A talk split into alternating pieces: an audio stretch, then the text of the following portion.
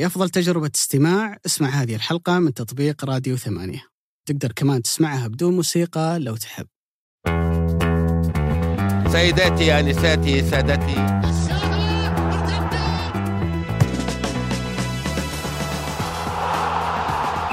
السلام عليكم ورحمة الله وبركاته. أهلا بكم. حياكم الله في حلقة جديدة من بودكاست مرتدة اللي يجيكم من إذاعة ثمانية. واللي راح نتحدث فيه في هالأسبوع عن جولة مجنونة جدا من الدوري السعودي للمحترفين اللي شهدت تغيير كبير في بوصلة الدوري.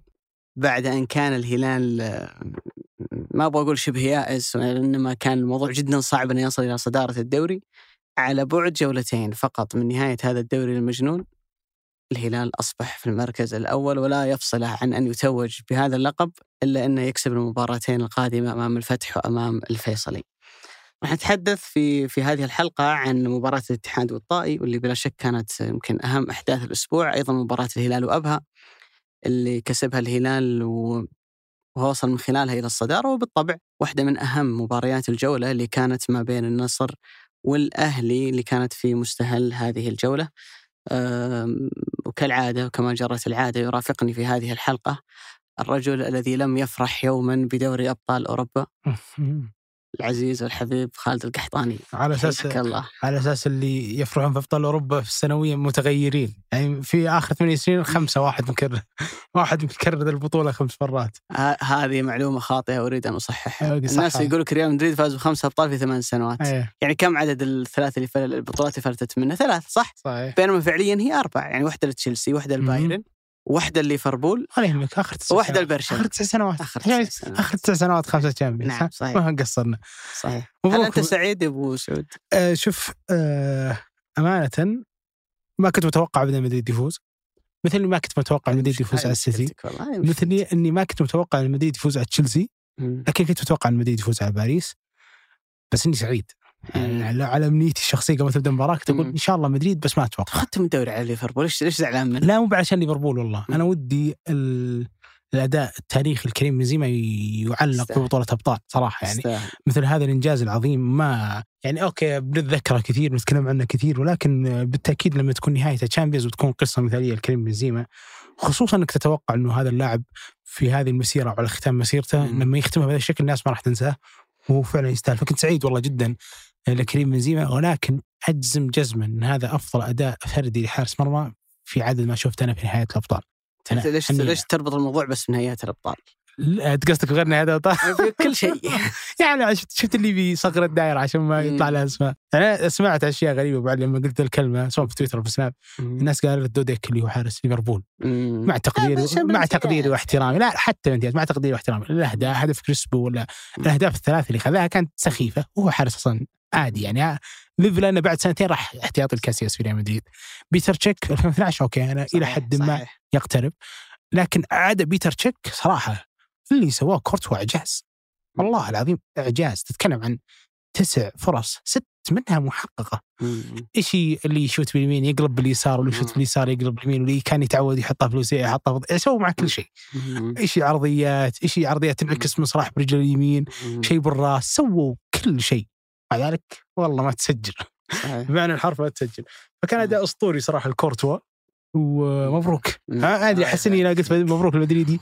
شفت اللي صارت عادة سنوية زي أي عيد في السنة. مبروك أخذت مم. شامبيونز نفس كل سنة. أتوقع أتوقع إنه ما فرق معك الموضوع. كثير. أنا قبل أسبوع كنت أقول لك إن عندي عندي عندي توقع وإحساس إن ريال مدريد بيسويها لأنه ريال مدريد لما يلعب نهائي دوري أبطال أوروبا غالبا بين نصف النهائي والنهائي حوالي شهر. فريق يعرف يحضر نفسه كويس مثل هالنوع من المباريات ساعد الفريق إنه خلص الدوري بدري فبالتالي الفترة الماضية كلها بمبارياتها اللي في الليغا كانت آه، مرحلة مرحلة إعداد خلينا نقول لهالمباراة بالمقابل ليفربول كان مرة مضغوط في الدوري وفي الكأس. وفي أكثر من منافسة اللي بس أبغى أقوله عن المباراة إنه هي واحدة من المباريات اللي تأخذها كقياس ونموذج على ان كرة القدم هي مش آه، وإن بالغنا في شرحها وتفصيلها صحيح. وكشف خباياها هي مش تكتيك بالمقام الأول يعني. هي ما ما هي لعبة مرتبطة الفريق اللي عنده عناصر أفضل اللي عنده تكتيك أفضل بالضرورة إنه يفوز. تقدر تبسط الموضوع وتقول إنه حظ.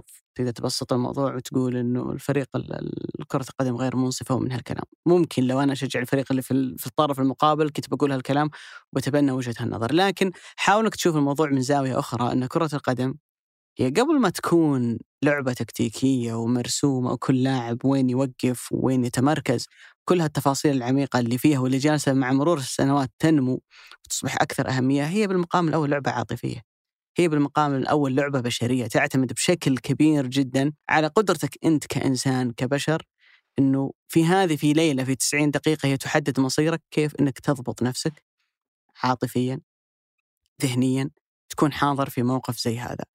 من شاهد النصف ساعة الأولى في المباراة سيخرج باستنتاج إنه الفريق اللي لابس أبيض لو فرضنا إنه ما يعرف الفريقين لا يملك أي فرصة في إنه يكسب هالمباراة.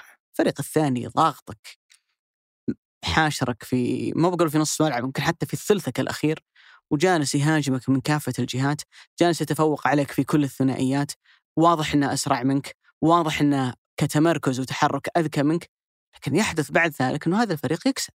أنا أقول لك لو أنت جيت أنت ما تعرف الفريقين، لكن الناس اللي شافت مسار ريال مدريد في البطولة حتى أتذكر إنه معلق المباراة قال قال إن هذا الفريق اللي أنت تراه الآن يبدو وكما انه عاجز استنى شوية في المباراة وشوف إيش بيسوي. والسبب في ظني بالمقام الأول إنه فريق عنده يعني عنده مزيج تحديدا في هالنسخة من دوري أبطال أوروبا مزيج يعني رائع جدا. إما لاعبي خبرة زي كروس ومودريتش وكاسيميرو وبنزيما وكارفخال لعبوا هالنهائي مرات ومرات كل واحد منهم كسب البطولة خمس مرات يعني أربع مرات لعب النهائي.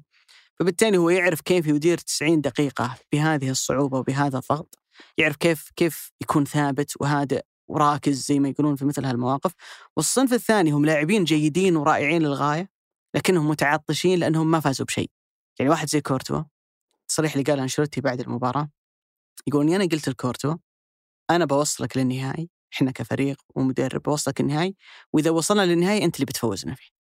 لأنه هو يعرف قديش كورتوا يبغى يفوز بدوري أبطال أوروبا وبالفعل يعني كان كان وجوده جدا مهم. تكلم عن لاعب حتى زي مندي لاعب زي ميليتاو لاعبين كثير. يعني حتى لما تكلم عن عناصر عناصر الخبرة ممكن ربطناهم بريال مدريد كلاعب زي ألابا. جايك من من تجربة عظيمة جدا مع مع بايرن ميونخ.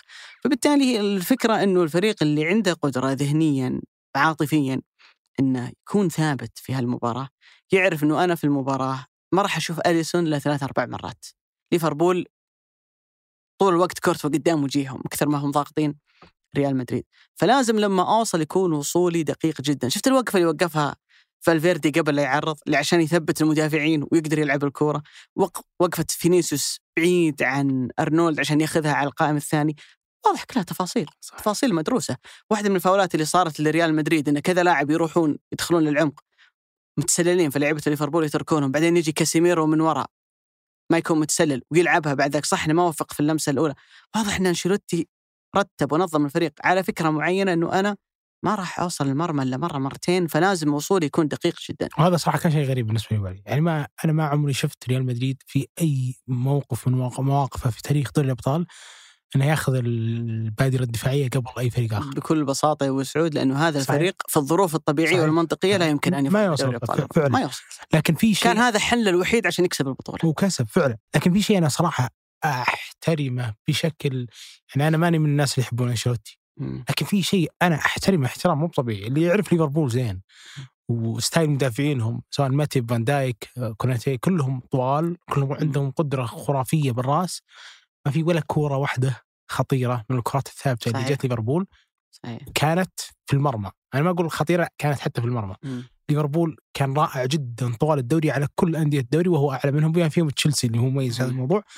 لكن قدام ريال مدريد ولا كورة كان يقدر ياخذها من مواقف ثابتة كلها كانت من مواقف صحيح. متحركة. وهذا شيء صراحة من الأشياء اللي اعطت ليفربول كثير من الحظوه في بعض المباريات مثل مثل مباراة تشيلسي ولا حتى المباريات اللي تزلق على ليفربول دائما ياخذها من صحيح. الكرات الثابتة. أعتقد إن التحضير له دور كبير جدا. يعني كاسيميرو في تصريح قال قبل المباراة قال إنه إحنا طوال المدة الماضية كنا نلعب مبارياتنا ونشوف فيديوهات وأشياء كذا يجهزها لنا الفريق ال- ال- اللي موجود عن ليفربول. فكنا طول الوقت قاعدين نذاكر ليفربول طيلة الفترة الماضية. بس أبغى أقول عن ريال مدريد آه، شيء يعني عن تتويجه بهذه البطولة. أعتقد إنه السيناريو اللي انتهت فيه المباراة إن ليفربول يؤدي مباراة جيدة كورتوا يتسلطن يفوز ريال مدريد 1-0 هدف من فينيسيوس. لو سألتني أنا كمدريدي okay هو سيناريو صعب. ودي مثلا الريال يفوز 3 4 0 يكتسح زي ما لعب مثلا مباراة عظيمة ضد يوفنتوس في النهائي. لكن هذا السيناريو تحديدا يخدم ريال مدريد بشكل يعني أنا أقول لك لو أنت بتفصله لمصلحة ريال مدريد ما راح تخرج بسيناريو أفضل من هذا. ليه؟ ليش؟ الأول لأن كورتوا اللي الناس شاهدوا مدى إبداعه العظيم جدا في المباراة العام الماضي كان ترتيبه في قائمة أفضل حراس العالم جائزة الفيفا The Best كان ترتيبه السابع. من يشاهد ريال مدريد كل أسبوع في الليغا في مختلف البطولات اللي يلعبها؟ ترى هذا كورتوا من سنتين. okay هو بالعادة يسوي لك تصدي تصديين في المباراة من نفس مستوى صعوبة اللي سواها ضد ليفربول، فرق إنه في النهاية سوى ستة أو سبع تصديات إعجازية، لكن تراه من سنتين ريال مدريد في معه فاز ببطولتين دوري والموسم الماضي ظل منافس لأتلتيكو إلى الجولة الأخيرة. لو بتشيل تأثير كورتوا ريال مدريد ما يقدر ينافس على الدوري لأنه في مباريات كثيرة ريال مدريد يكسبها بفارق هدف. قبل الهدف هذا كورتوا شايل لك هدفين ثلاثة محققه للفريق الثاني. فجاء النهائي والعالم شاهدت كورتوا واقتنعت. يعني زالت كل الشكوك اللي عندها انه هو اليوم أفضل حارس على مستوى العالم. الأهم من ذلك بعد فشل صفقة مبابي بالنسبة لريال مدريد. الآن الحقيقة الماثلة أمامك إنه المستقبل هو فينيسيوس. هل في دفعة معنوية أكبر من إنك تكسب نهائي دوري أبطال أوروبا ضد فريق بقيمة ليفربول بواحد صفر يسجل فينيسيوس وفي باريس. يعني يعني يعني فينيسيوس بياخذ دفعة معنوية وكمية ثقة بالنفس وبيكون من بعد هذا النهائي يفترض يكون لاعب ثاني بعقلية ثانية وشخصية ثانية. بشكل أنت ما كنت صراحة تحصل عليه لو جلسة مع 200 مختص نفسي. لكن إنك تكسب نهائي الأبطال ريال مدريد يكسب نهائي الأبطال بهدفك أنت هدف المباراة الوحيد. ولذلك سبحان الله يعني شاء القدر إن الهدف هذاك يحسب تسلل وشاء القدر إن سيبايوس يضيع ذيك الفرصه الغريبه اللي كان المفروض إنها ما تضيع. علشان يظل في الذاكرة انك انت كسبت 1-0 مين اللي سجله؟ فينيسيوس اللي راح يكون له المستقبل في ريال مدريد في مركز الجناح الأيسر. أعتقد إنه خرج الريال بعدة مكاسب من هالمباراة.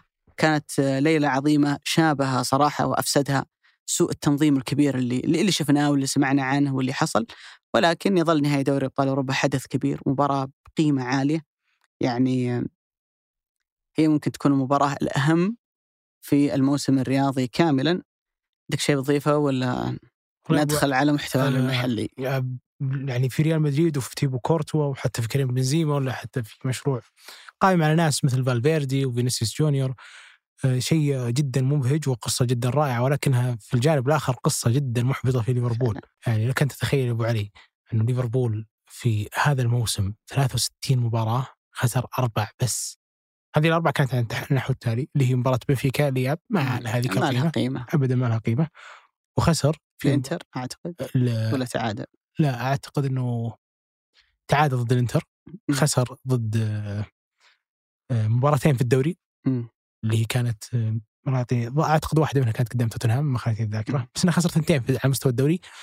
وخسر واحدة قدام ريال مدريد في نهائي ال Champions يعني لو جيت تشوفها على خلينا نحسبها على مستوى الدوري ثنتين بس. يعني هو أقل من خسائر ريال مدريد بطل دوري الأبطال. بطل الدوري الإسباني أقل من بطل ميلان بطل الدوري الإيطالي أقل من بايرن ميونخ بطل الدوري آه الألماني أقل من مان سيتي نفسه. بطل الدوري الإنجليزي أقل من بطل الدوري الهولندي ما خسر ليفربول ابدا.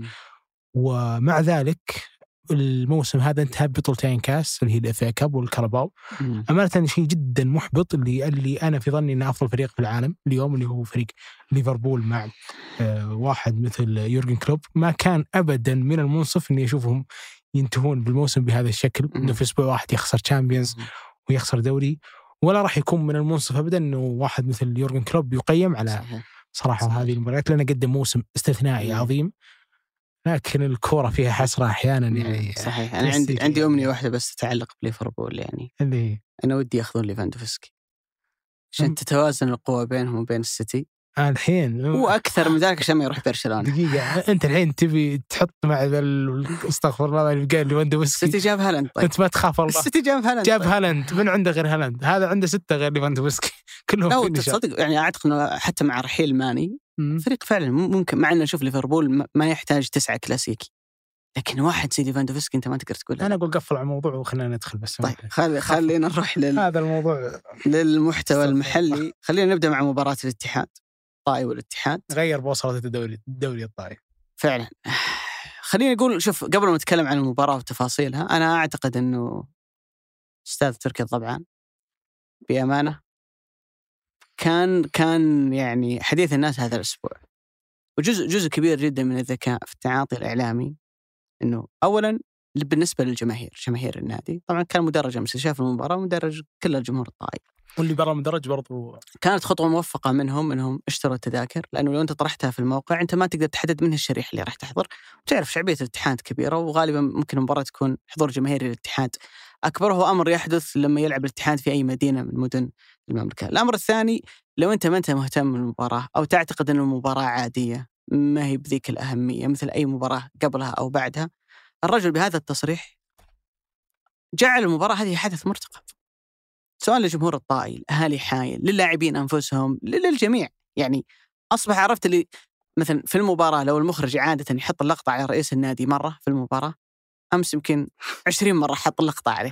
تحول هو تحول هو إلى بطل المشهد. في ذلك شوف في ذلك مكسب له هو كرئيس إنه يتحول إلى إلى شخص تبحث عنه الكاميرات وميكروفونات المراسلين وما إلى ذلك لكن أهم من ذلك حول الضغط اللي كان المفروض يكون على اللاعبين وجهه عليه هو.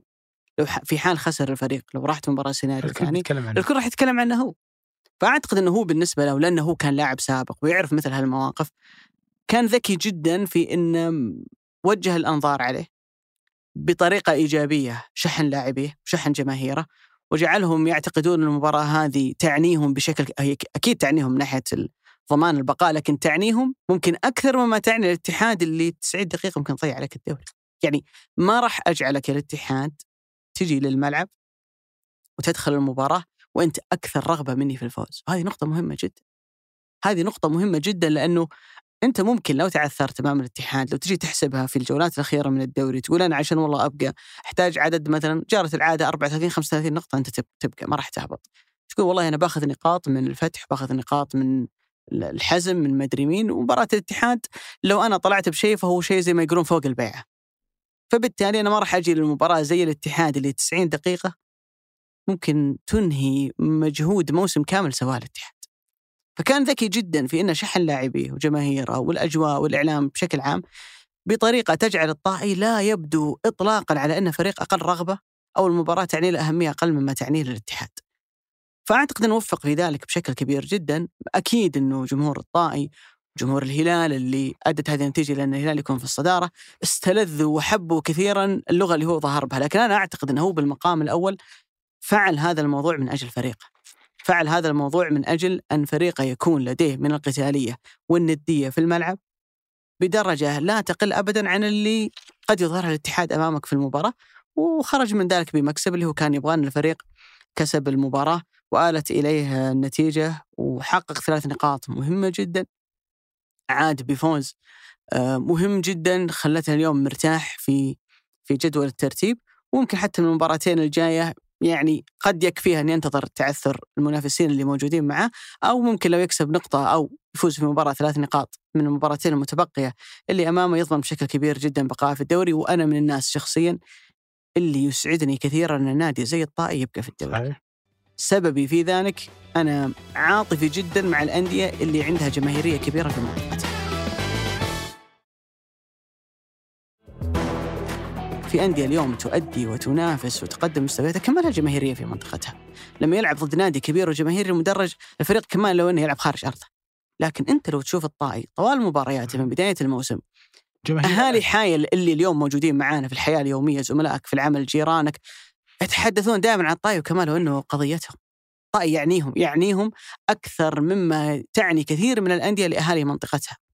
فلما تشوف نادي بهذا الشكل وبهذا بهذه الوضعية فريق عنده تاريخ وتجربة كبيرة جدا في الدوري السعودي في السنوات الماضية عدلا وانصافا يسعدك أن يكون يبقى موجود في الدوري لأنه واحدة من أهم مكتسبات الدوري اللي تتمنى أنها تظل معاه موجودة مع في الفترة القادمه. بدايته كانت كل المؤشرات تشير إلى هبوط. كل شيء كان غلط. قسم بالله يعني في مع الكوكي تحديدا لما صارت الأزمة إنه المدرب لازم يمشي ولا ما يمشي وكمية اللعيبة الأجانب اللي جو في بداية الموسم أو حتى على مستوى الأداء والرسم كل المؤشرات كانت تقول الطائر رايح للهبوط.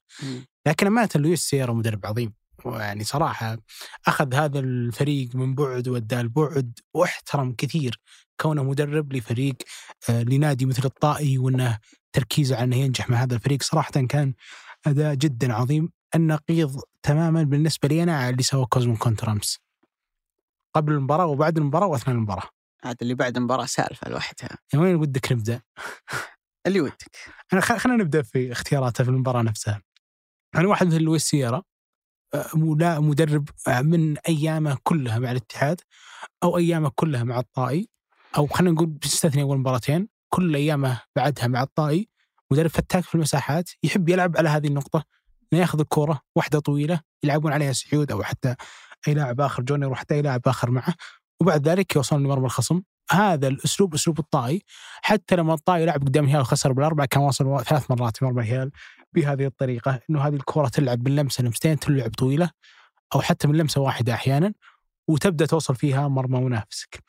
هنا بالنسبة لي أنا الاتحاد ما فيه شيء بيكون أحب على لويس سيرا من أن يدخل كوزمين كونترا سلمه كم المساحات في ظهره ولا يملك أي حل آخر في تشكيلته. يعني لو افترضنا أنك أنت وضعت في موقف المدرب اللي ما يحب أكيد إنه يوضع فيه إنه حمد الله تر- تعرض للإنفلونزا كو- ايجور كورنادو تعرض للإنفلونزا رومارينيو تخسره. أنا هنا أتكلم علي عن اللعيبة اللي أنت تتوقع في هذه المساحات الضيقة لما تضحي بهذه الأمتار في ظهرك إنهم بيسووا لك. فارق. يعني روما فتاك في هذا الموضوع. حمد الله كل ما تمركز. كنت أكثر واحد تكلم عن هذا الموضوع. كل ما خليته في منطقة الجزاء كل ما أعطاه أكثر. واحد مثل ايجور كورنادو يعني قدرته لا يعلو عليها في ال assist. فلما تفقدهم كلهم وتنزل ب خلينا نقول ثلاثي محوري في خط وسط الملعب سواء آه، أندريا ولا حتى آه، برونو هنريكي ولا حتى آه، اللي هو الناشري كل هذه الأسماء اللي تحتاج كثير لعيبة من أطراف الملعب ولا حتى تحتاج في عمق الملعب واحد من روما إنهم يدوروا مع الكرة عشان يمسكونها. أنا عتبي على الهدف، يعني عتبي هنا على إنك تأخذ المباراة وتحاول إنك تتصورها، أنا بعطي مساحات كبيرة للطائي. هل جودة هارون كمارا والعبود بدرجة أقل تناسب هذا النوع من التضحية؟ طبعا البزبيشي أنا أستثني أمانة اللاعب رائع جدا وفي ظني إنه لا أنت ما عندك القدرة إنك تجعل الطائي في ملعبه دائما وفي يدك شيء خلينا نقول يستحق التضحية اللي هو وجود واحد مثل حمد الله، واحد مثل روما، فهنا وش المعيب بأني أضع أولويات، أوكي هذا الموضوع إذا انقال قبل المباراة بالنسبة للجماهير ممكن يكون شيء جدا مزعج،. لكن ترى النقطة تخلي الدوري في يدك، صحيح صحيح ليش أنا أعطي الطائي كل هذا؟ تدري الشيء انت الأكبر بعد؟ فقدت ثلاث مفاتيح الهجومية اللي عندك كلهم في يوم واحد صحيح واللي هم أصلا يخلونك تسوى هذه التضحية، يعني مم. الاتحاد يضحي كثير في ظهره، يضحي كثير في أنت عندك اعتراض على الأسلوب ولا على الأسماء اللي دخلت؟ لا لا ما عندي الأسماء أتوقع إنه ما يقدر. ما ما عنده يعني أنا أشوف أنا أشوف دكة البدلاء الاتحاد. في مثلا عبد الله الحافظ عمر هوساوي قلوب دفاع. تكلم عن حازم الزهراني ظهير أيسر. خالد السميري محور. ما عندي أحمد بحسين أعتقد إنه أيضا يلعب محور. صحيح. ما في الحمد لله كورنادو أنا. عاتب عليه على الأسلوب إنك تصعد بهذا الخط وتضحي في ظهرك كل هالفترات وشفت لو صار هذا الشيء مثل الشوط الأول حصلت. فرصتين الشنقيطي وتسديده حفيز بيشي ولا تسجل علي ولا سجلت هدف. وش المانع إني ياخذ المباراة كمنعطفات؟ يعني. راح أنا هنا ما سجلت.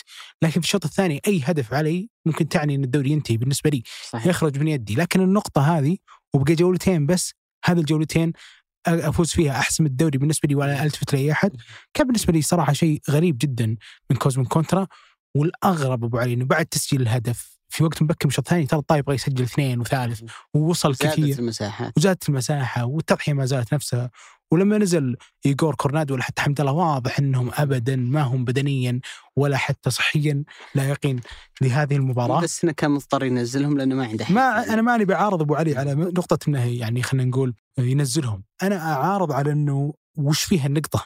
مم. وش فيها النقطة يا تخلي ما الدوري ما هي حتى المباراة السابقة أمام الهلال. أنت لو تعادلت مع الهلال بشكل كبير. جدا نهاية الدوري. صحيح. أزيدك من الشعر بيت ابو علي زو- زودا على ذلك. هل تنظيم دفاعك أتكلم عن التنظيم على مستوى الرسم. جيد آخر ثلاث مباريات آخر أربع مباريات في كل المساحات اللي تلقيتها؟ يعني مثلا أنت أعطيت الفيحة مساحات كبيرة فيحة ضربك بهدف عبد المنعم ولا حتى كذا مرتدة.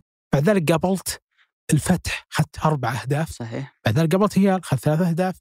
فأنت في آخر ثلاث مباريات اخذت ثمانية أهداف وآخر أربع مباريات ما فزت ولا فوز.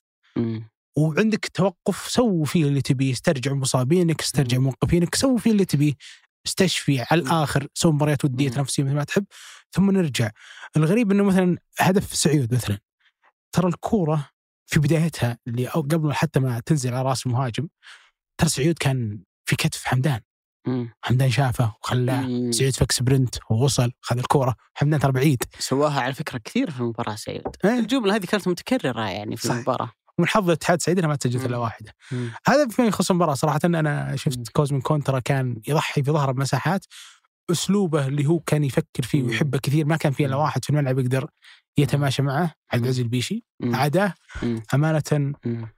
أوكي صح إنه ما في أي. برجع أقول ما في أي مشجع. بتقول التعادل زين قبل بداية. المباراة ولكن كمدرب أنت اللي تشوف الشيء اللي ما يشوفونه البقية صحيح يعني المدرب إذا ما هو شايف لازمه قبل ما تجي بالضبط ما يفيدني كثير إنه إذا راحت قال آه شفتوا ترى صار خلاص صار طيب خليني أنا بعلق على المباراة وبعدها ندخل نقطتين مهمتين جدا اللي هو تصريح كونترا لازم صراحة نوقف عنده صحيح.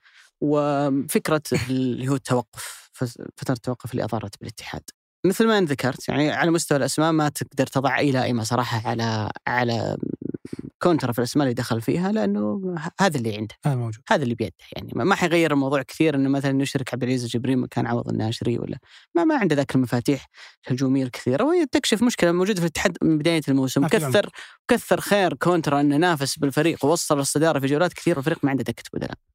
وممكن ساعد الفريق إنه ما لعب في آسيا.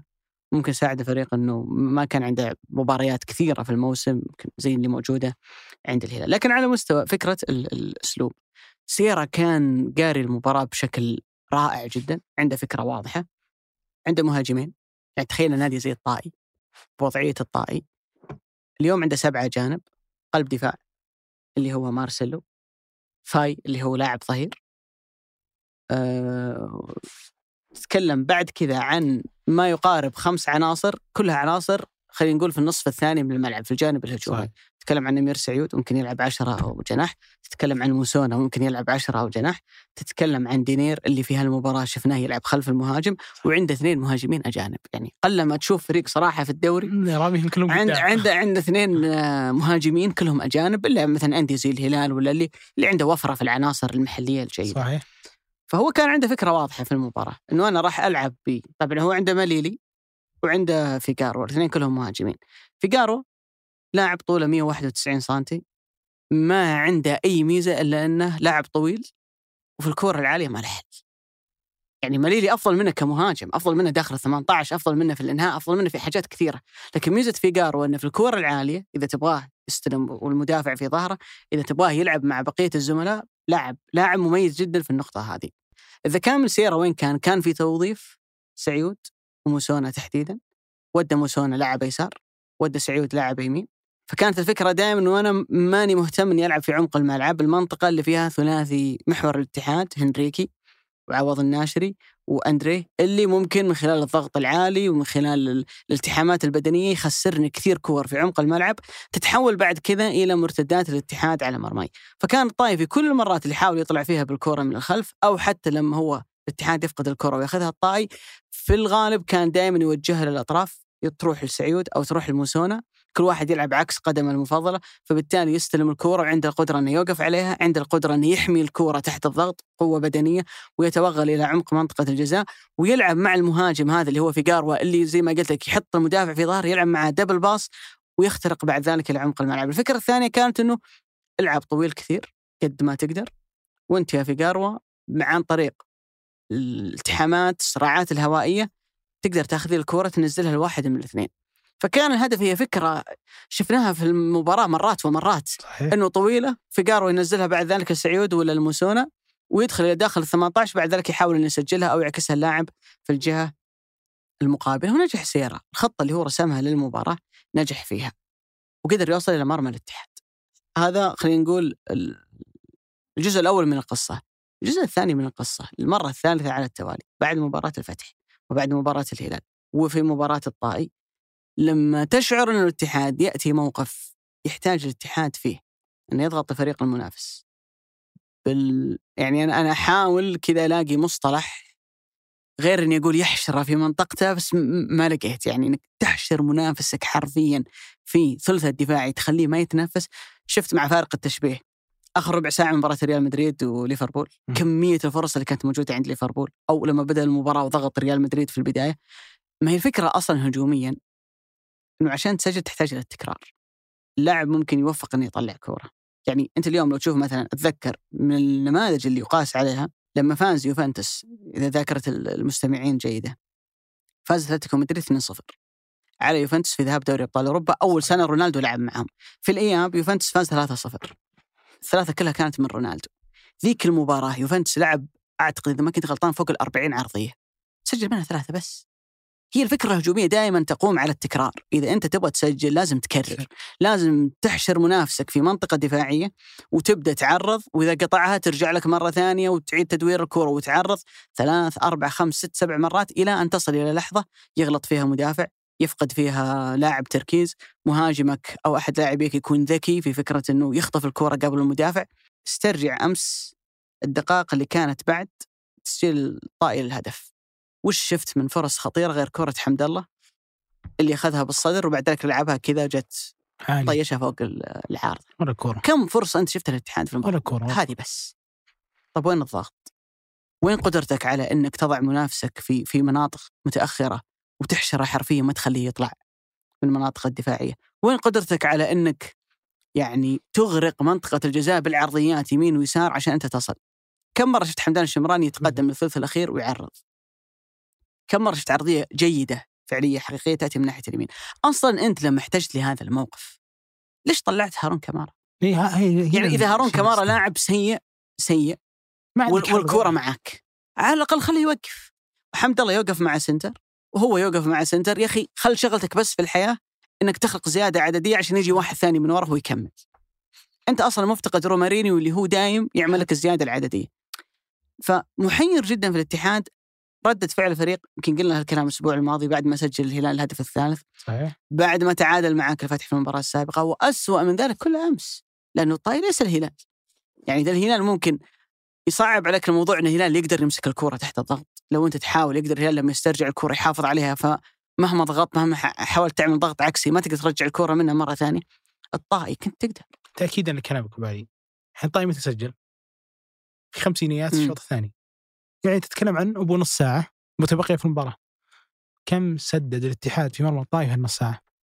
تسديدة واحدة بس تخيل إن مرمى نواف العقيلي أنا- أصعب فترات. المباراة تسديدة واحدة بس. قلت هالكلام قبل الأسبوع الماضي قلت أنا حيرني كثير ردة فعل الاتحاد بعد بعد الهدف الثالث للهلال ال- اليوم الصباح كنت في كذا جمعني اتصال يمكن أكثر من ساعة مع أحد الأصدقاء اللي دارس ومختص في اللياقة البدنية تقول أنه وضع الاتحاد البدني محير بالنسبة لي يعني أنه الفريق بدنيا واضح أن عنده مشكلة كبيرة. صحيح؟ يعني أمس لما كان الطائي يرتد في شوط المباراة الثاني كان لاعب الطائي يتمشى حرفيا في نصف ملعب الاتحاد.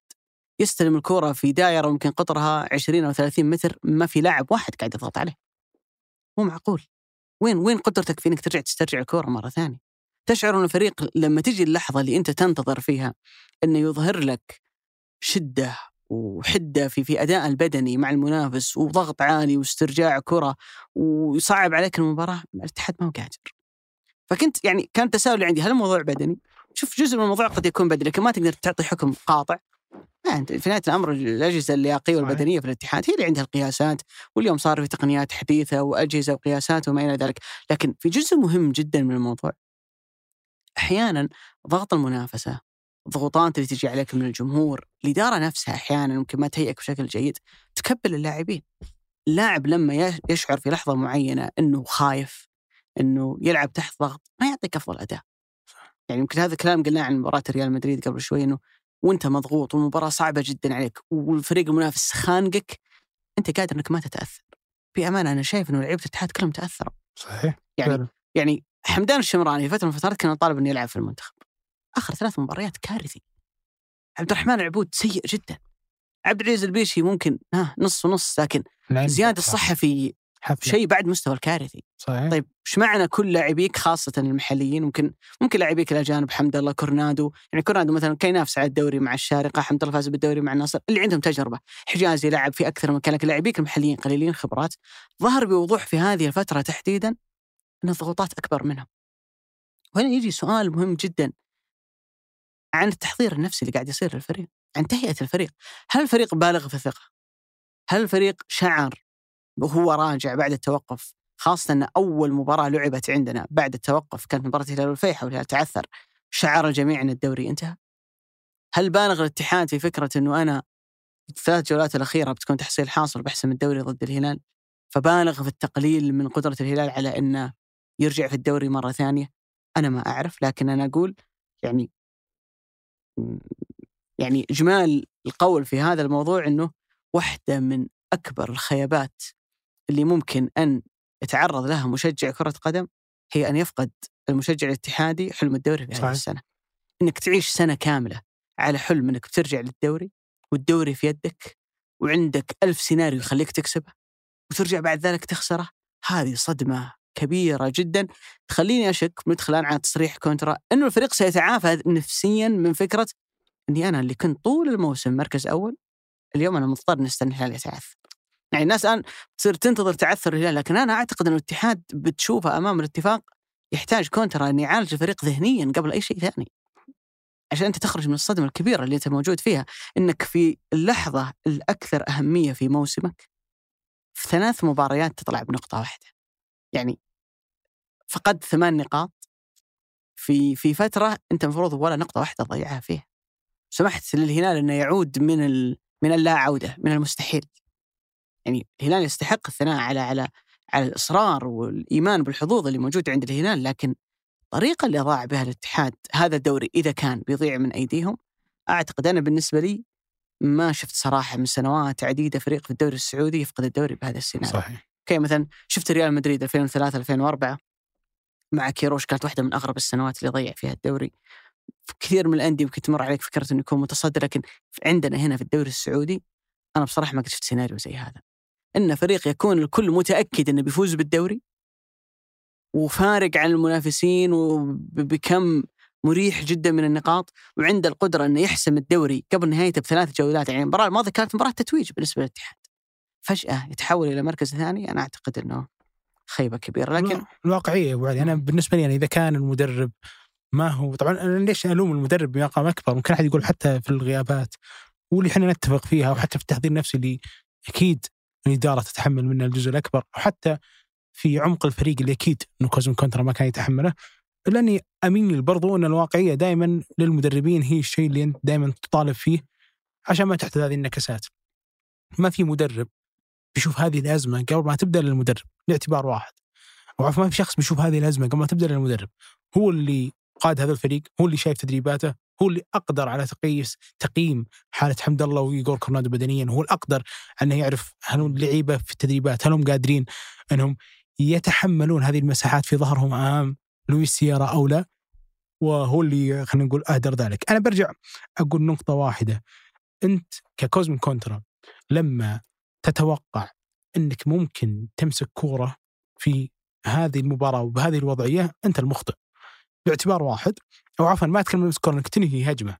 باعتبار واحد إنه واحد مثل لويس سيارا لما تعطيه المساحات في ظهر حجازي ولا حتى زياد الصحفي ولا حتى في ظهر محاورك أنت تنهي كل فريقك وكل إمكانياته اللي فيها الواحد على واحد أو حتى اللي في ملعب الطائي وأنا ألوم في ذلك الملام الأكبر على لويس سيارا لأنه لو كان الاتحاد مستوعب أنه ما عنده عمق في تشكيلته على مستوى الدكة وأنه في نفس الوقت ما عنده المعوض لأول واحد رومارينيو اللي هو أستاذ هذه المباريات ولا حتى لحمد الله ولا حتى لإيجور كورنادو فوش المانع إني ألعب في ثلثي؟ يعني أنا أقول وش المانع من إني أنا ألعب في ثلثي وأحاول انوم المباراه بشكل أكبر أهدي رتمها بابعد ما يكون وألعب على سرعات البيشي والعبود ولا حتى هارون كمارا. ما أنا كسبت مباراة الباطن بهذا الجانب لما نزل هارون كمارا ولا حتى المباراة اللي كانت آه، في أعتقد قدام ضمك ما خانت الذاكرة في آه، جدة. صحيح. أنا كسبت بهذه النقط. ليش أنا أضحي بكل هذه المساحات في ظهري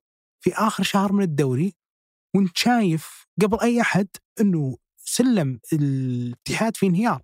خسرت قدام الفيحة تعادلت قدام الهلال عفوا قدام الفتح خسرت من الهلال وانت اليوم في وضع سيء عناصريا داخل هذه المباراة وش المانع أن يفرق عن الهلال بنقطة وبعد فترة الراحة وفترة الاستشفاء هذا أهدي الرتم أحاول أستشفي قد ما أقدر أرجع. المصابين أرجع الموقوفين تعامل مع المباراتين الجاية واحدة منهم في أرضك بتكون قدام الباطن اللي وارد بشكل كبير. إنه يكون هابط بأكثر جدية ليش أنا اليوم أروح أقابل نادي مثل الاتفاق المتطور جدا هجوميا.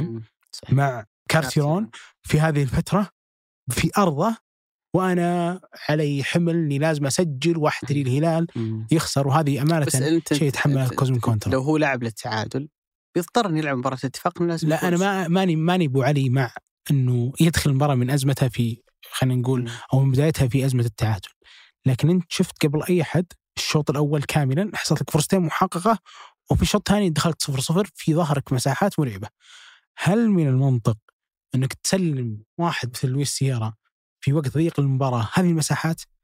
طبعا أنا ألوم هنا صراحة برضو اللعيبة لأنه لما حجازي يشترك مع فيجورا وبالراس مثل ما قلت كان حمدان شمراني يلعب man to man مع سعيود مم. تباطأ حمدان لين فتح هذا sprint وتجاوزهم وأخذها وقابل آه، قروهي.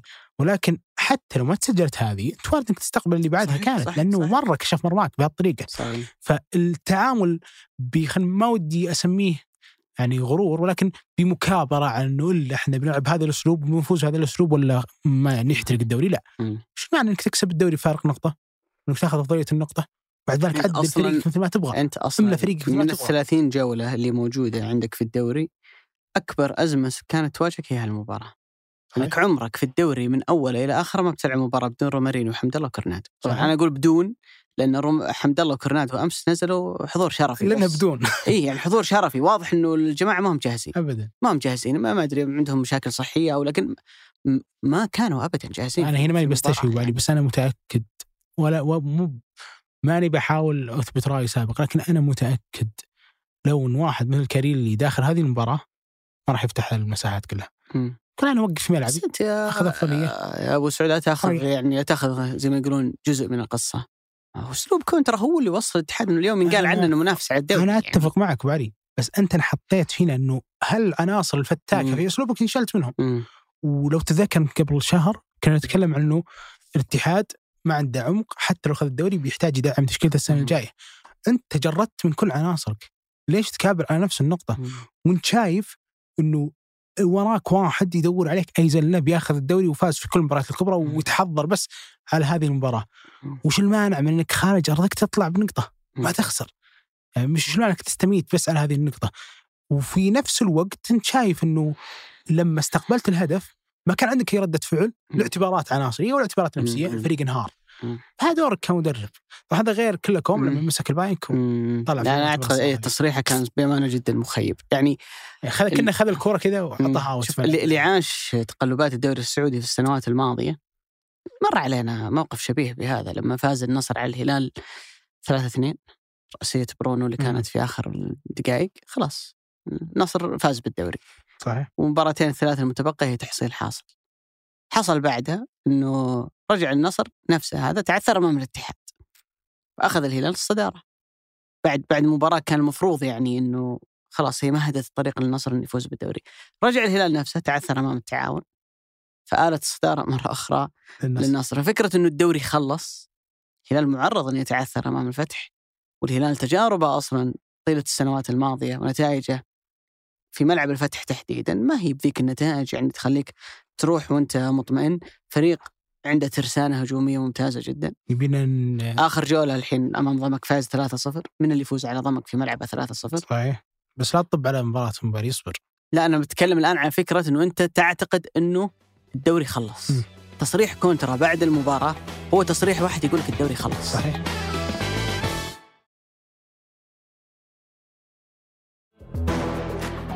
مع الاسف مع إنه باقي جولتين. أنت آخر واحد في الدنيا المفروض يقول الدوري خلص يعني في اللحظة اللي المفروض إن الكل في الاتحاد مدرج إعلام لاعبين يعتقدون إن الدوري انتهى المفروض أنت تطلع أنت الوحيد اللي تطلع وتح يعني تحدثهم إنه الكرة لا زالت في الملعب.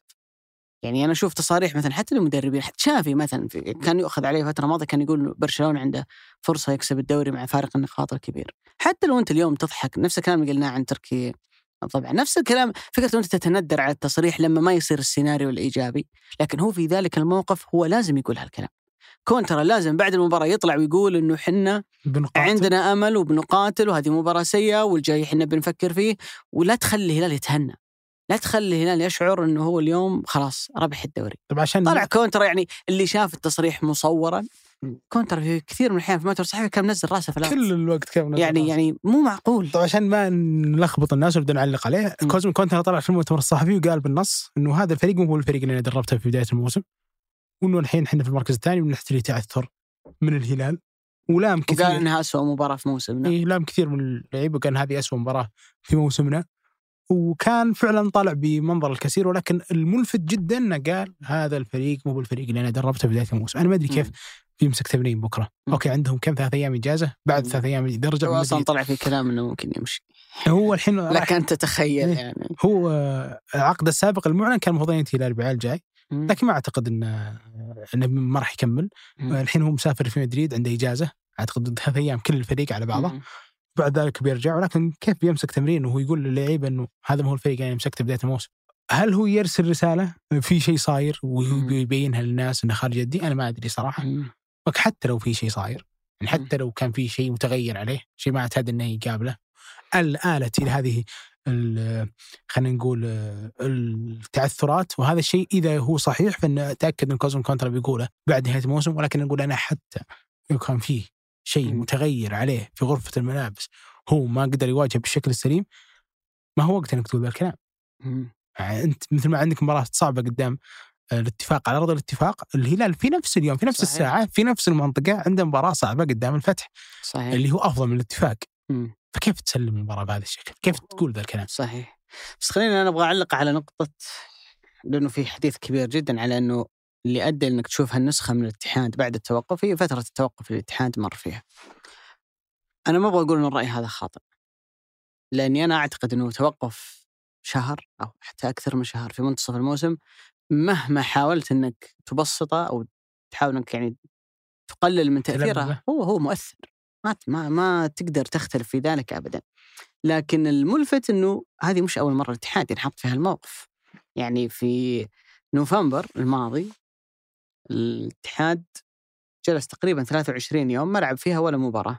يوم 4 نوفمبر 4 11 لعب أمام الفتح وبعدين يوم 27 لعب أمام الطائي اللي خسر أمام مباراة أمس لكن نتكلم عن مباراة ال- الذهاب فكان عنده 23 يوم كذا تقريبا ما فيها ولا مباراة اللي كانت فيها توقف أسبوع فيفا والمفروض إنك بعد أسبوع الفيفا هذا تلعب مع الهلال ولكن مباراة الهلال أجلت لأنه الهلال كان يلعب نهائي دوري أبطال آسيا. بعد مباراة الطائي أيضا رجع الفريق وقف 23 يوم ثانية. لأنه بعد ذلك تم إيقاف المنافسات عندنا عشان بطولة كأس العرب. فبالتالي في عندك في المجمل 46 يوم شهر ونص تقريبا الاتحاد لعب فيها مباراة واحدة فقط اللي كانت أمام الطائي. أه لو بتاخذها على مدى أوسع من 4 11 اللي هي مباراة الفتح إلى 26 12 شهر و22 يوم الاتحاد لعب فيها مباراتين بس أمام الطائي وأمام الفتح. في ما يقارب شهرين إلا ثمانية أيام. كانت في نوفمبر في ديسمبر فريق لعب فيها مباراتين بس. طبعا عشان يكون الناس في الصورة في هذا الوقت الهلال لعب 11 مباراة. صحيح. تكلم عن فترة توقف طيب وش اللي صار بعد الفترة هذه؟ إن الاتحاد جاي من شهرين تقريبا لعب فيها مباراتين بس. وإذا بتأخذها تقول له مباراتين واجد في 46 يوم لعب مباراة واحدة اللي هي مباراة الطائي. كان عنده قبلها 23 يوم وبعدها 23 يوم توقف. يعني فعليا الفريق حرفيا ينقال عنه إنه فاقد رتم. اللي صار الاتحاد بعدها لعب سبع مباريات فاز فيها كلها. كانت واحدة من أميز فترات الاتحاد في الدوري. معناته أنت في فترة سابقة من الموسم مررت بموقف مشابه للي أنت فيه الحين وعرفت إنك تتعامل معه. لكن أنا احاول أقول هي حاجة من ثنتين يا أما إنه التعامل اختلف يعني تحضيرك هنا يختلف عن تحضيرك هنا معسكرك هنا يختلف عن معسكرك هنا. وأستبعد هالموضوع لأنه المدرب والإدارة اللي رتبت وخططت للأمر هنا هي نفس اللي خططت هنا. إذا في حاجة واحدة اختلفت إنك في ذاك الوقت كنت مسترخي لأن ما عليك ضغوطات إنه أنت المتصدر وإنه الدوري فعليا أصبح الناس ما تتكلم عنه كحلم الناس تتكلم عنه كواقع. بينما أنت في المرحلة الثانية في الوقفة الثانية أنت رحت بكل هالضغوطات اللي أرهقتك ذهنيا وبدنيا بشكل كبير جدا وأدت بعد ذلك إلى تأثير سلبي على على اللاعبين. جزء من الموضوع وإن كنت أنا ما أحب كثير يعني هال هالمواضيع لكن ما تقدر تلغي تأثيرها. قد يكون الفريق سحب إلى خارج الملعب. يعني البعض بيقول لك يا أخي اللعيبة ما يتأثرون، لا اللعيبة يتأثرون. اللعيبة جزء من واقع اللعيبة جزء من الواقع يعني يعني يمكن في لقطات إحنا نحكم على أشياء بسيطة جدا وصلتنا ما يخفى علينا هو أعظم أعظم من ذلك بكثير يعني اللقطة اللي كان فيها نائب الرئيس مع. بقية اللاعبين جالسين على الأرض. اي بالضبط ما تتوقع انه في جلسه زي هذه بيتكلمون عن قضايا اللي قاعدة تصير على الاتحاد برا لا الملعب وطلع الصوت أكيد. في وقتها لما. قال حمدان إنه لو فزنا على الهلال. ما راح ألعب قال كاكي مم. لو فزنا على الهلال بننزل شباب النادي. هذا يعني- سناب الاتحاد يعني يعني إذا أنت أنت تتكلم في جلسات بسيطة زي هذه بين مثلا الرئيس ونائب الرئيس ومع اللاعبين وفي دراءة ما راح يتكلم. ما راح يتكلمون عن موقف الاتحاد مثلا في قضية حمد الله ما راح يتكلمون مثلا عن أكيد إنه أنت أنت جزء من الموضوع. يعني ولا يقول ليش أحد يقول يا أخي بس لأنه لعيبتنا عقليتهم. من يتذكر الموسم تاريخي أعتقد إنه 2011 اللي تنافس فيه ليفربول ويونايتد على الدوري اللي في ذاك الموسم ليفربول فاز في الأولد ترافورد 4-1 ومع ذلك اليونايتد كسب الدوري. طلع فيرجسون بعدها قال أنا طلعت ليفربول برا الملعب. في مؤتمر صحفي شهير له هاجم فيه بينيتيز أو يعني ما أتذكر بالضبط وش قال بس طلع بعد نهاية الموسم قال أنا ضغطتهم وأديت يعني بعد ذلك لأنهم يفقدون. أتوقع إنها 2008 ولا بعد والله إني ناسي. لما كان معهم توريس لما كانوا لابسين طقم الرصاصي إيه، وفازوا إيه. 4-1 في أولد ترافورد آه فتحدث ترى تصير تصير في الكورة يعني خاصة لما أنت عندك مباريات متتالية ممكن أنت ما تفكر خلاص تمارين استشفاء ألعب مباراة تمارين استشفاء ألعب مباراة لكن لما يكون عندك وقفة طويلة زي هذه لا يكون في متسع من الوقت إنك مواضيع زي هذه تتسلل يعني إليك وتحدث فيها اللاعبين وتصنع تأثير. أنا أقول لك اللي صار في الاتحاد صدمة كبيرة جدا. ماني قادر أوزع نسب ال- الملامة فيها، لاعبين خذلان كبير جدا. اللي عنده مدرج زي مدرج الاتحاد وما يحرك فيك إنك تعطي 200% في كل مباراة أنت عندك مشكلة كبيرة كلاعب. الإدارة أنا أقول لك أقيس على النتائج والأداء اللي موجود ما حضرت الفريق بشكل جيد. والمدرب من خلال خياراته ومن خلال هو الطاقم اللي معاه الأداء البدني اللي قاعدين نشوفه من لعيبة الاتحاد عليهم ملامة كبيرة تضافرت كل هالأمور وأدت إلى إنه أنا أقول أنا أنا أقدر أطلع بعبارة كذا أقول لك أو منشط اللي صار في الاتحاد صاعق صعقه أن فريق يحدث فيه أن دوري في يدك حرفيا أنت قابض عليه بيديك فجأة يضيع منك. فعلا. أنا أتفق تماما كان الله في عون جمهور الاتحاد. أتوقع أبو علي إنه لو على الاتحاد يلعبون ثاني مباراة بكرة. مم. بس عشان تكسر الحالة النفسية هذه إنك. تفوز بكرة ويصير. كبير. ونفس الموقف ترى وضع فيه الهلال عفوا الاتحاد في مم. فترة التوقف اللي كانت في رمضان إنه خرج من الفيحاء ثم دخل فترة التوقف. مم. هذه الحالة النفسية سيئة. ما في أحد يتمنى إنه يخسر ثم على طول تكون فيها فترة توقف. بتعيش صحيح. فترة ضغط من ضغط الضغط. كبير جدا. هذا اللي صار فعلا. خلينا ننتقل للمباراة الثانية. فوز الهلال على أبها. هذه أول مرة الهلال يتصدر فيها من بداية الموسم. إيه. هذه أول مرة. أول مرة. تكلم عن 28 جولة. هذه أول مرة الهلال يتصدر فيها. آه لكن أمانة الهلال مع دياز نادي منظومة مرعبة. يعني أمس أبو علي لو تتذكر إحنا تكلمنا كثير بيتغزل عن عبد الله عطيف، أمس عبد الله عطيف كان على الدكه ما شارك. لحكم إنه ما تمرن ولا تمرين. إلا قبل المباراة أو حتى حتى ليلة المباراة أعتقد إنه ما تمرن، تمرن الترفيهي بس. ولعب ناصر الدوسري كمحور ثاني مع واحد مثل اللي هو سلمان الفرج وغاب سالم الدوسري اللاعب الحاسم اللي انت تتوقع دائما في المباريات الكبيره إنه يحسم. وحدث كذا كمية غيابات. الشوط الأول انتهى 0 0 والهلال كان مميل الملعب على أبها. يعني نتكلم هنا عن 73% كانت نسبة استحواذ الهلال 16 تسديدة في الشوط الأول بس سبعة منها في مرمى محمدي منها ثلاث كانت محققه في مرمى محمدي. ومع ذلك الهلال مع دياز نادي صبور جدا على المباراة يعطي المباراة خلينا نقول كل وقتها يتعامل معها بتركيز عالي ما يحاول إنه يطلع برا الملعب. وفي نفس الوقت ما كان معطي أي خلينا نقول ذهن أو حتى أي تفكير لمباراة الاتحاد والطائي مع إنه اللي في المباراة شاف تعامل الجمهور إلا ما يوصلون لك. صحيح هذا الحال يعني حتى وصلت انه المعلق حماد العنزي قال الاتفاق الطائي سجل الثاني والكل صدق بس اتفاق ما- مم. الطائي ما سجل الثاني لكن برجع لنقطة إنه ما خرجوا من المباراة إنه عبد الله المعيوف وعلي البليهي بعد المباراة طلعوا وتكلموا أول ما كان يسألهم المراسل عن نقطة أنتم كنتم تسمعون يصير في المدرج كانوا ي- على كلام عبد الله المعيوف والله ما فكرنا بشيء ولا شفنا شيء. آخر شيء شفناه كان قبل التسخين من دخلنا نسخن إحنا نركز على هذه المباراة. وهذا اللي فعلا كان ظاهر الهلال تحس إنه ما هو الفريق اللي جالس يلاحق تحس إن الفريق اللي ماخذ الصدارة من قبل هذه المباراة كان هادئ جدا إلى أن وصل إلى أفضل آه، نتيجة في هذه المباراة. ولكن أعتقد لو في لاعب كذا طلع من يعني خلينا نقول نزل من السماء للهلال في منعطف الدوري الأخير وأثر تأثير كبير ميشيل دلقاد صحيح. أمانة أمس كل مباراه كانت تبنى عليه. كل اللعب لمسه لمستين ثم تحول لميشيل كان يصل بشكل مجنون للمباراة. وكان لاعب أمانة مثل ما كنا نقول إنه في الطرف الأيسر لاعب غير مقروء لأنه مراوغ مو طبيعي ورجله يمنى فكان ياخذ الكثير من الحالات. تتوقع إنه بيدخل بي في عمق الملعب ياخذهم على خط المرمى من لقطة سالم الشهيرة ويكشف المرمى اعطى أكثر من عرضية في هذا آه الأمر. وكان الهلال من بداية المباراة مستشري إنه بيأخذ هذه المباراة. وأمانة على حلبها الدفاعي حتى في مباراة الأهلي الماضية تتوقع الهلال بيطلع بهذا الشكل. لكن أنا كلامي هنا إنه واحد مثل جانك تعرض لانفلونزا سيئة ويمكن آخر أربع تمارين ما تمرن مع الهلال إلا مرة. أعتقد لأنه قبل الاتحاد ما تمرن قبل أبها ما تمرن واحد من معيوف تعرض لانفلونزا عبد الله عطيف تعرض لانفلونزا وكلهم غابوا. وثم جت سالفة إصابة سالم بعد مباراة الاتحاد. ولعب سلمان. يعني اللي جالس يسويه سلمان من بعد العيد على المستوى العضلي شيء غير مفهوم صراحة. الله يا رب يشفيه ويعافيه. ولكن رغم ذلك الهلال بدا متماسك جدا.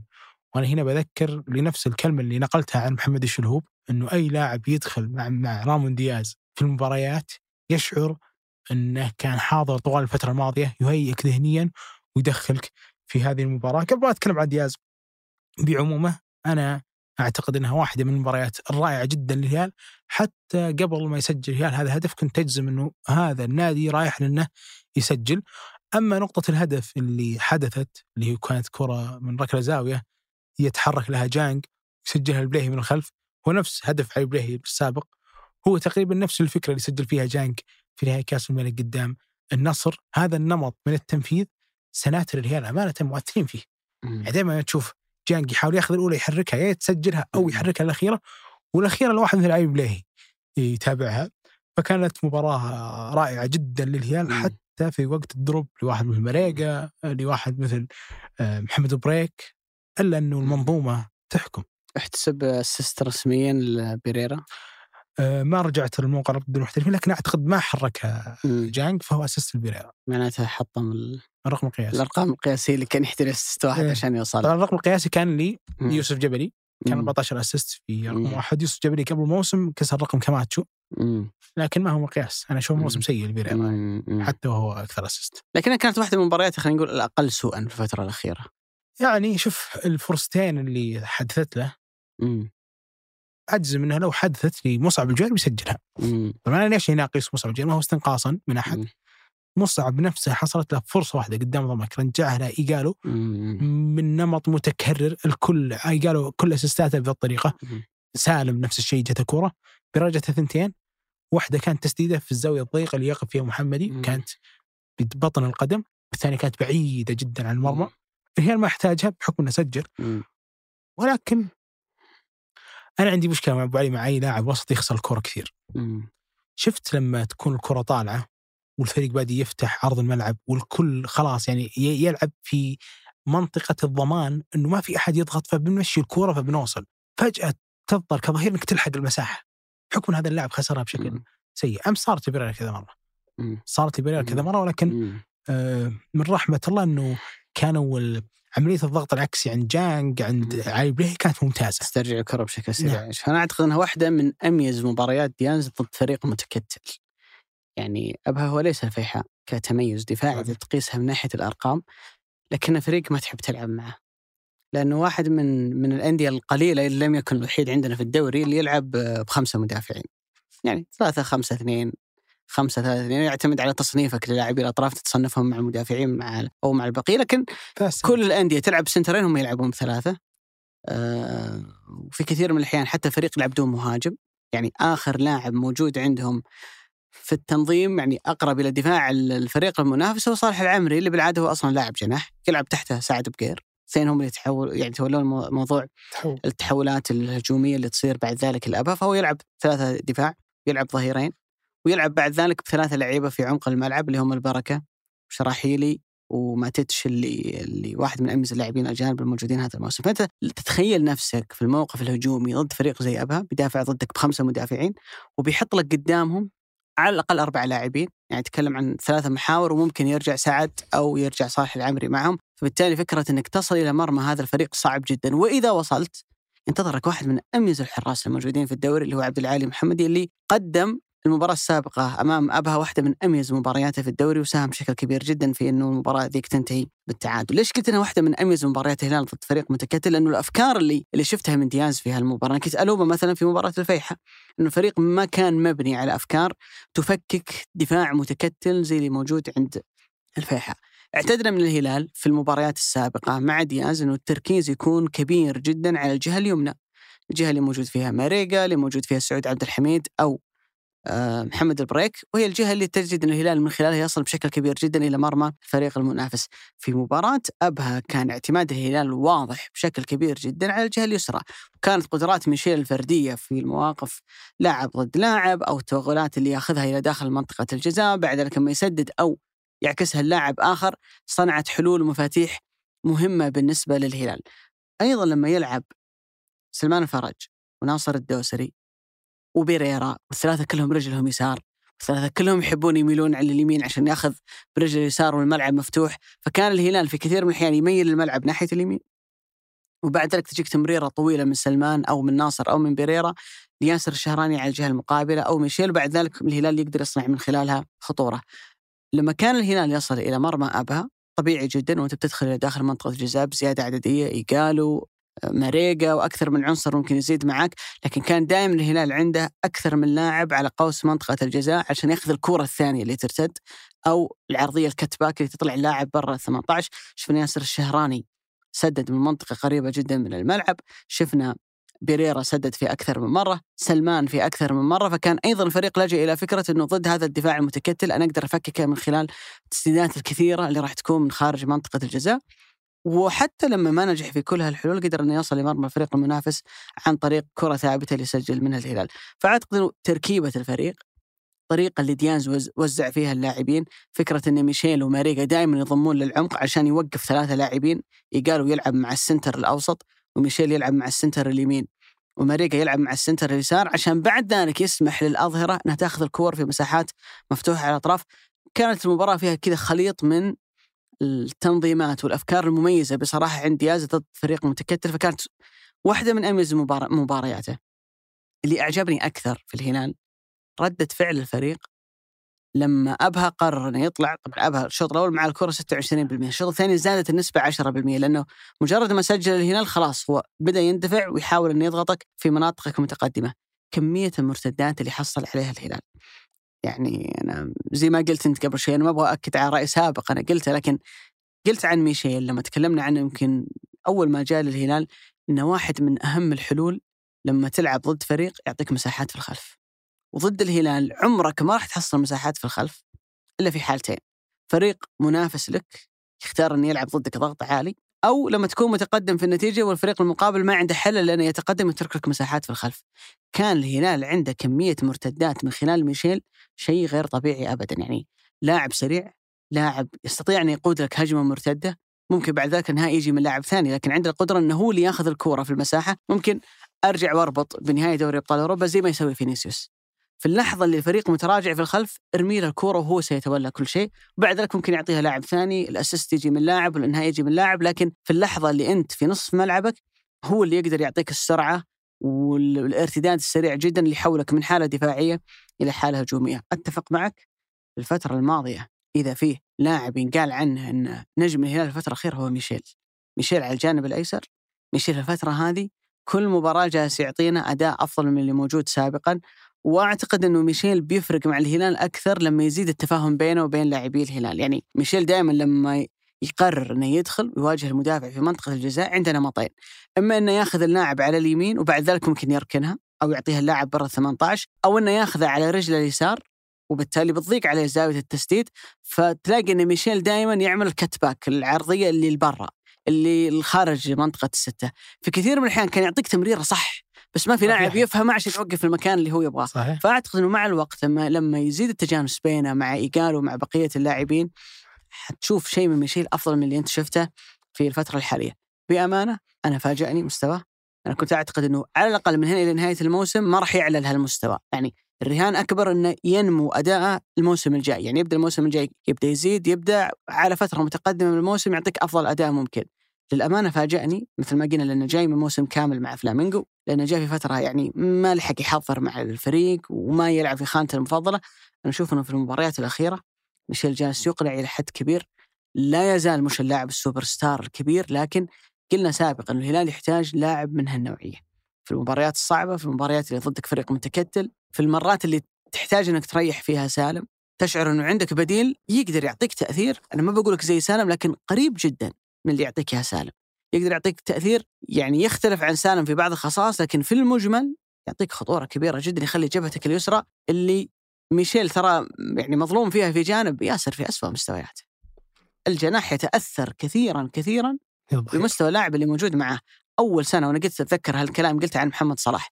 قلت محمد صلاح بيوصل level عالي جدا لو وراه ظهير صاحي. السنة الأولى كان كلاين وجوميز وأي واحد يلعب ظهير أيمن في ليفربول في ذيك الفترة.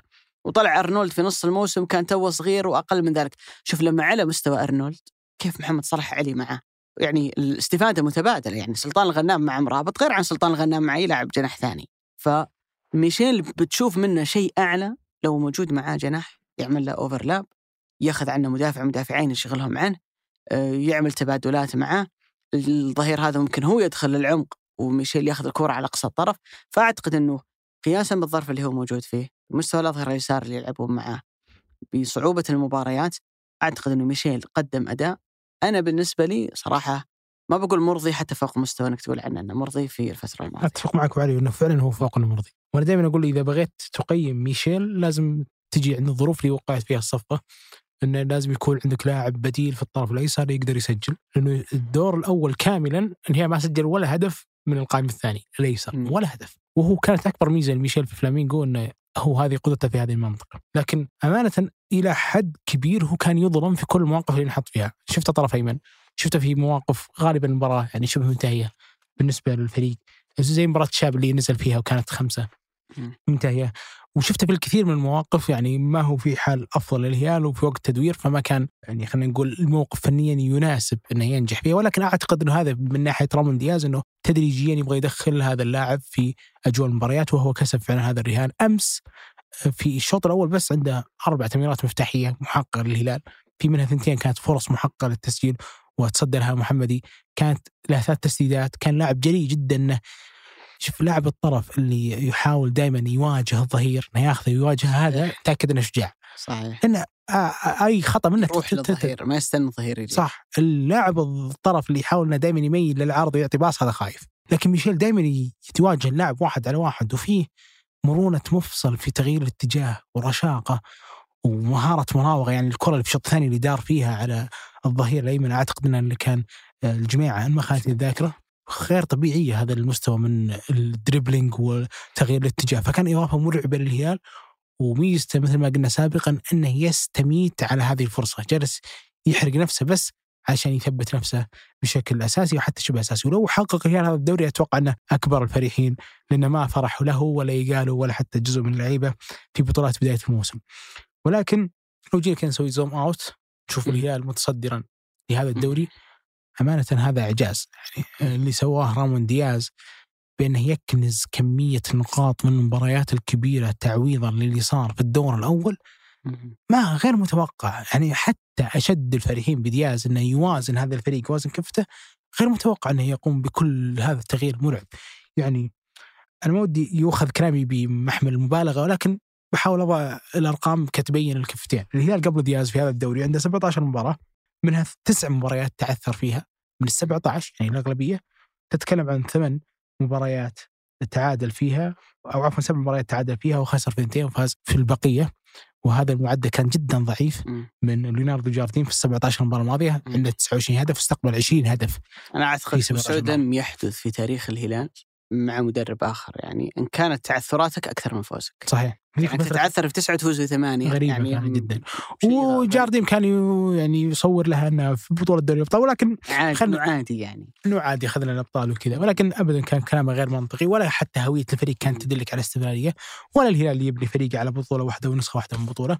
ولكن لو جينا نشوف إنه هل الوضعية اللي ينحط فيها رامون دياز أصلا نفسه بعد جواد جارديم كانت محببة للمدرب إنه يقول هذه فرصة هي بروح أخذها ولا كانت فيها مآل للفشل؟ أنا بالنسبة لي أنا كان مستوى النزول واضح إنه بشكل مرعب خرجت أنت من مونديال الأندية لعبت 40% زيادة من عدد منافسينك على مستوى المباريات بالإضافة إنه استلمت الفريق عندك يومين بس يوم تمرين أولي واليوم التمرين الأخير لمباراة الشباب ولعبت ثمان مباريات اللي كانت من بداية عودتك للدوري من مونديال الأندية إلى بداية بطولة دوري أبطال آسيا. كانت على النحو التالي ثنتين قدام الشباب ثنتين قدام النصر واحدة قدام الاتحاد واحدة قدام الأهلي ومباريات متفرقة أخرى مثل مباراة الرائد وحتى مباراة الحزم. كل هذه المباريات انتصرت فيها انتصارات متتاليه مرعبة أخرجت النصر اولا بعد يومين بس من تعيينك فزت على الشاب بالخمسه الشاب اللي كان عليك متفوق في ترتيب الدوري وكان ثاني الدوري واللي كان فايز أصلا على الاتحاد نفسه كأول واحد يفوز على بطل هذا الدوري بعد الجولة الأولى اللي كانت أو عفوا على المتصدر هذا الدوري اللي بعد الجولة الأولى كانت قدام الفيحة. وبعد ذلك استمريت تلعب مباريات بكمية ضغط مرعبة إلى اليوم بس ابو علي إلى هذه اللحظة إلى المباراة الأخيرة. الهلال تقريبا لعب أقل من ثلاث شهور مع رامون دياز بمعدل أربع مب... أرب... كل أربع أيام مباراة. صحيح. قلنا هالكلام سابقا على الضغط إيه، الكبير اللي كان عندك طبعا إحنا نحط هنا في اعتبار ابو علي إنه كانت فيها بطولة كاس كانت فيها مؤجلات وكانت فيها دوري أبطال آسيا. منافسين كانوا رايحين فيها. انت كنت تلاحق الزمن. طبعا هذا كله في كفة وكونك تلعب مباريات مؤجله هذا في كفة ثانية. في مم. واحدة من أكثر الاستفتاءات العظيمة اللي سوى The Athletic عن مدربين البريمير ليج عن هذه النقطة. هل تتمنى إنك تكون عندك قضية مباراة مؤجلة ولا تلعب في نفس وقتها؟ 18 واحد قالوا نلعب في نفس مم. صحيح. إنك تدير مباراة وأنت عندك إحساس داخلي إنك جالس تلحق الموسم مم. هذا شيء مؤرق نفسيا. فكيف اذا كانت المباريات هذه؟ قدام نادي مثل الفيحة ولا حتى قدام نادي مثل الاتفاق. الأول أفضل خط دفاع على مستوى الدوري والثاني يحاول إنه ين- ي... خلينا نقول يبتعد من مناطق هذا الهبوط. ولما بدأ هذا الموسم أو عفوا بدأ موسم رامون دياز الثلاث شهور هذه وبدت خلينا نقول ملامح تبان الغير متوقعة اللي هي. بتوظيف أندريه كاريلو واحد من الثمانيات والاعتماد على واحد من غوستافو كويلار خذ أفضل ما عندهم فلما توج عطائهم بدأ الفريق ينهار بدنيا وتكلمنا كثير في هذا الجانب. بدأت الإصابات تتوالى تفقد كويلار تفقد كاريلو تفقد ناصر تفقد آه، سلمان تفقد سالم تفقد آه، محمد بريك فقدت الكل بلا استثناء إيجالو يلعب هذه المباريات وهو في إصابة في كتفه مم. هو يستمر إنه يلعب وهو في إصابة إصابة في كتفه فما في شيء كان يدلي إنه هذا الفريق ممكن يتصدر الترتيب اللي كان الاتحاد متصدره بفارق 16 نقطة عن أول مباراة لعبها إلا اللي كان يراه دياز، يعني لو جيت قلت إنه هذه الفترة لدياز خسران 16 نقطة ومبتعد 16 نقطة يفتقد عطيف للإصابة، كاريلو للإصابة، كويلار للإصابة، محمد كنو للإيقاف، ناصر الدوسري للإصابة، ياسر الشهراني برضو للإصابة، متعب الفرج رباط، عبد الله المالكي رباط، البليهي تعرض لإصابات متفرقة، جانج تعرض لإصابات وعنده معدل كل أربع أيام مباراة ومع ذلك في هذه المباريات اللي هو تعتبر بدايته يواجه كل الكبار بشكل متتالي. يكتسحهم كلهم شيء يعني بمع... يعني. شوف هو إعجازي كشكل متفرد. بأرقام الدور الأول أنت تتكلم عن شيء اقرب للجنون يعني. صحيح. ما في هلال يحلم بهذا إيه، الشيء تشبه تشبه أبو سعود ممكن إلى حد ما السيناريو اللي صار في الدوري الإنجليزي هذه السنة. في اللحظة اللي يعتقد الجميع إن الدوري خلص للسيتي عمل لك ليفربول ريمونتادا في سلم ترتيب الدوري غير طبيعيه يعني عاد عودة يعني لو السيتي واحدة من المباريات فلتت منه أو لو مباراة استون فيلا يعني ما كسب لو هدف فلت منه بالضبط يعني كان كان ممكن الدوري يضيع. فهنا أنت تحاول إنك توازن الأمور يعني في في في فريق عنده أفضلية فرط في الدوري لكن في فريق ثاني آمن بحظوظه وآمن بفرصه انه يقدر يكسب ولذلك ظل. فكرة إنك تحفز لاعبيك أسبوع وراء أسبوع إنهم يقاتلون يضحون بدنيا وتكتيكيا وكل الأشياء اللي أنت تطلبها منهم في سبيل دوري قد ير... قد يشعر اللاعب إنه ما في يد. صحيح. يعني أنت قاعد تعذبني وبتهلكني كل مباراة في سبيل البطولة طب خليني أركز على كأس الملك لأنه هو اللي في يدي ومتاح بالنسبة لي ولا تجعلني ألاحق حلم يعني سراب في ملاحقتي له أنا بتعرض لكثير من الإصابات بتعرض لكثير من. وتعثرت قدام الفيحة بالضبط يعني فأنا أعتقد كان متوقع إنه بعد يسلم أنا. أعتقد إنه لو حصل والهلال كسب المباراتين القادمة وفاز بالدوري بيكون دوري ينسب بالمقام الأول من- إلى جانب دياز واللاعبين وقدراته إلى فكرة إن الهلال آمن بشكل حقيقي بحظوظه. لم يرمي المنديل، في لحظة قد أي نادي ثاني يرمي فيها المنديل الهلال لم يرمي المنديل. صحيح. في لحظة يعني قد فريق ثاني يقول لك خليني أروح باتجاه المكاسب المضمونة أحضر فريق نهائي كأس الملك وما إلى ذلك و... واقلل تركيزي على الدوري وخلاص. أنا أهدافي تحققت ثلاث بطولات كأس وسوبر وآسيا وتاهل إلى دوري أبطال آسيا النسخة القادمة. خلاص أنا أنا أنا لا أطلب من الكرة أكثر من ذلك في هذا الموسم. لا. في في عز هذه الضغط والأزمة اللي كانت موجودة ما تخلى الفريق عن إيمانه بأنه ممكن إنه يكسب ممكن إنه يعود للدوري آه، مرة أخرى. أكثر إحصائية تصف دياز بأمانة إنه من أصل 33 نقطة متاحة نافس عليها جاب لك 30 بها بهذه الفكرة أو بهذه الحصيلة إنه أنت تفوز 10 مباريات من 11 صحح لي إذا كنت غلطان؟ الهلال فاز مع دياز 10 مباريات في الدوري من اصل 11 من أصل 11 نقطة بس مباراة الفيحاء أنت عارف بال... بنفس هذا المعيار يعني إنك أنت تجيب لي 30 نقطة من كل 11 مباراة انت ممكن تقفل الموسم حوالي 80 نقطة. ما عندنا فريق أصلا وصل, وصل. أو قرب من ال 80 إحصائية مرعبة. ومثل ما أنت ذكرت جاء في فترة سيئة جدا. ولا الإصابات ساعدتك ولا الجدول ساعدتك ولا أشياء كثيرة ساعدتك. لكن قدر إنه ينتشل الفريق في فترة معينة. يمكن قلنا هالكلام دياز خاصة في الفترة الذهبية أول ما جاء إنه جعلك تنسى كل المشاكل اللي كنا نتكلم عنها في الفريق. يعني تجي كذا تمسك الهلال تعد من واحد إلى عشرة مشاكل في الفريق. غياب حافز كثير من العناصر الأجنبية أنت ما أنت قاعد تستفيد منها ولا تبدأ فيهم بشكل أساسي. بعض اللاعبين يمكن يلعبون في مراكز يعتقد البعض إنه المفروض خاصة اللاعبين المحليين إنه من الأفضل إنه أجنبي يلعب فيها، عناصرك المحلية استنزفت إلى أقصى حد. ما بين النادي وما بين المنتخب في سنة عصيبة جدا من ناحية كثرة المباريات وضغط المنافسات، كل شيء كان ضدك.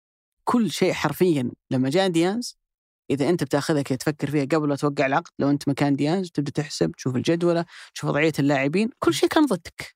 ما في ولا حاجة كانت في صالحك. حتى الطموح الجمهور كان ضدك. يعني إذا أنت اليوم تضع مبرر للاتحاد اللي هو في فترة التوقف اللي تفقدك الرتم ما أنت عندك حاجة أخطر من فقدان الرتم اللي هو إنه فريقك يطيح رتمه من كثرة المباريات.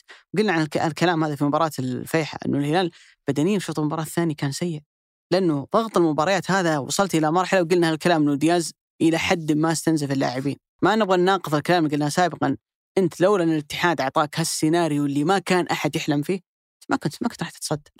لكن قيمتك وفضيلتك و... و... والنقطة اللي تحسب لك كميزة لك إنه أنت آمنت بحظوظك. أنت ما رميت المنديل، ما قلت إنه الدوري هذا لا يعنيني. الدوري هذا والله جارديم هو اللي ضيعه على الهلال. وأنا والله ما بيدي أسوي شيء وخلينا نمشي الأمور. مركز ثاني. ودوري الابطال خذ اي مركز ثاني حلوين وخلاص ونبدأ من الحين نفكر الموسم الجاي. لا ما تهاونت ابدا. خير دليل على ذلك التشكيله اللي نزل فيها الهلال ضد الاتحاد بعد مباراة الفيح. يعني وحتى اللاعبين تحسب للاعبين. في بعضهم زي جانك يعني اللي واضح إنه قاعد يضغط على نفسه آخر ما لعب ما تمرن ولا تمرين يعني مباراة الأمس ترى ما تمرن ولا تمرين. مباراة الاتحاد ما تمرن ولا تمرين. يعني من سلمان فرج مباراه الاتحاد برضه ما تمرن ولا يعني يعني سلمان مثلا يعني وصل إلى مرحلة اي لاعب ثاني ممكن يطلب راحه أو يطلب إنه يرتاح شوي يتنفس شوي. ويطلع معسكر وانت يعني فوق وكابتنهم يعني بعد الضغط الكبير اللي صار فأعتقد إنه ما ادري إذا شفت مؤتمر دياز أمس ولا لا؟ لا.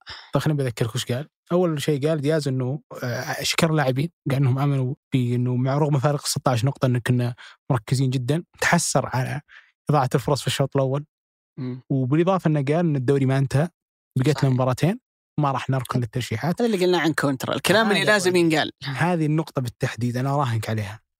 أنا أجزم جزما ما أدري شو النتائج بس إني أجزم جزما إن الهلال مع دياز ما راح بيدخل وضعيته مرتاح. لو وش؟ لأنه أستاذ ورئيس قسم في كيفية وجعل اللعيبة إنه ترى ما كسبتوا شيء.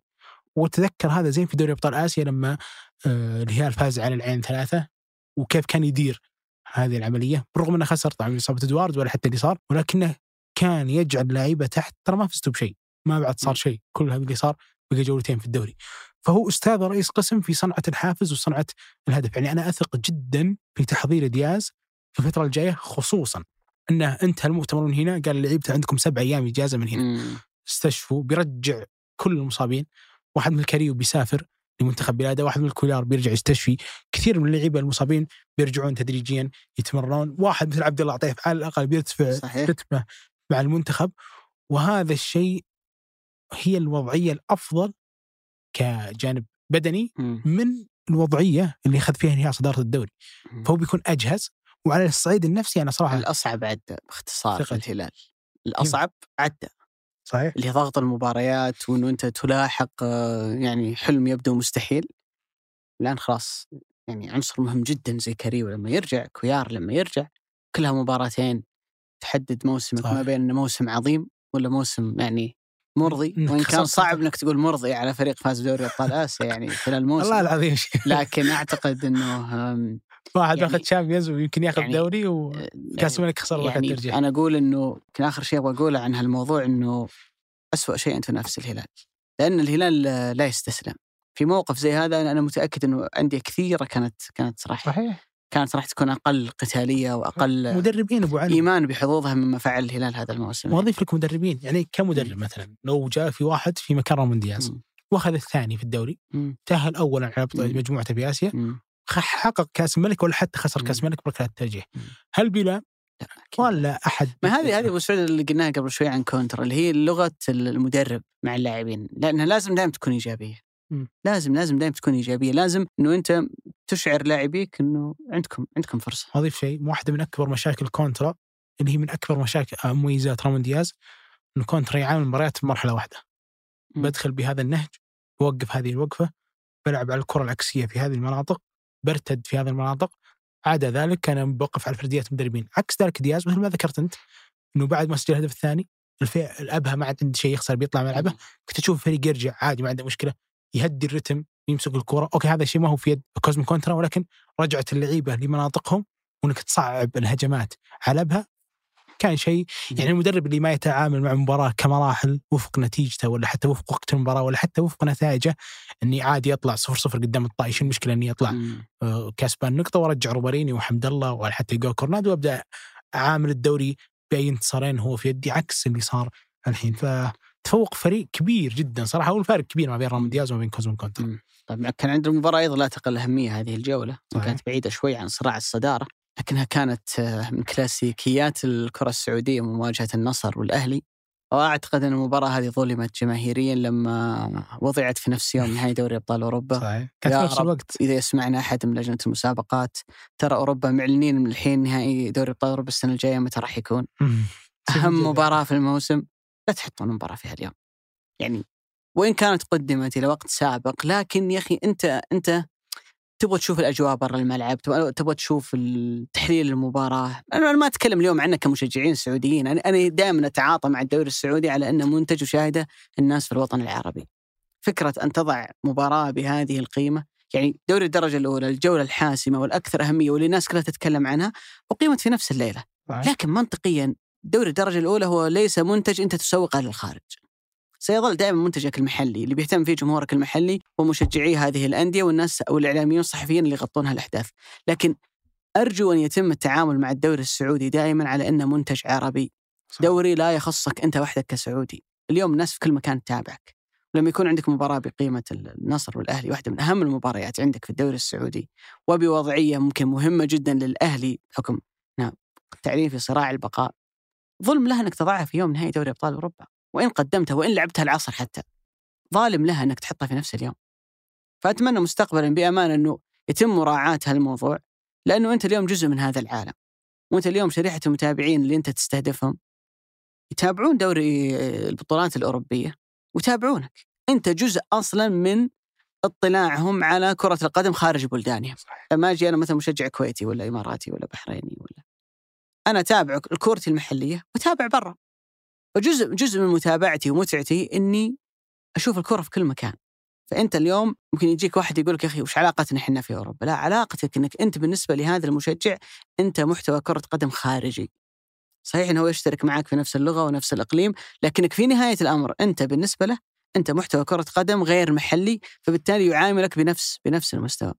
فلا تحط مباراة بهذه القيمة في ليلة نهائي دوري أبطال أوروبا. أعتقد إنه يعني تخيل انه إنه لو كان الدوري مثلا بجدولته السابقة لو تعارضت طيب الجوله الأخيرة مع مع يعني أعتقد إنه مصيبه يحتاج الموضوع إلى إلى إعادة جدول. إنه هم كانوا راح يخرجون من هذا المأزق إنه قال لك نهائي دوري أبطال أوروبا يوم 28 والجولة الأخيرة قبل التأجيل كانت راح تقام يوم 29 أصلا أصلا بالمنطق تلعب جولتك الأخيرة في الدوري يوم أحد يوم دوام.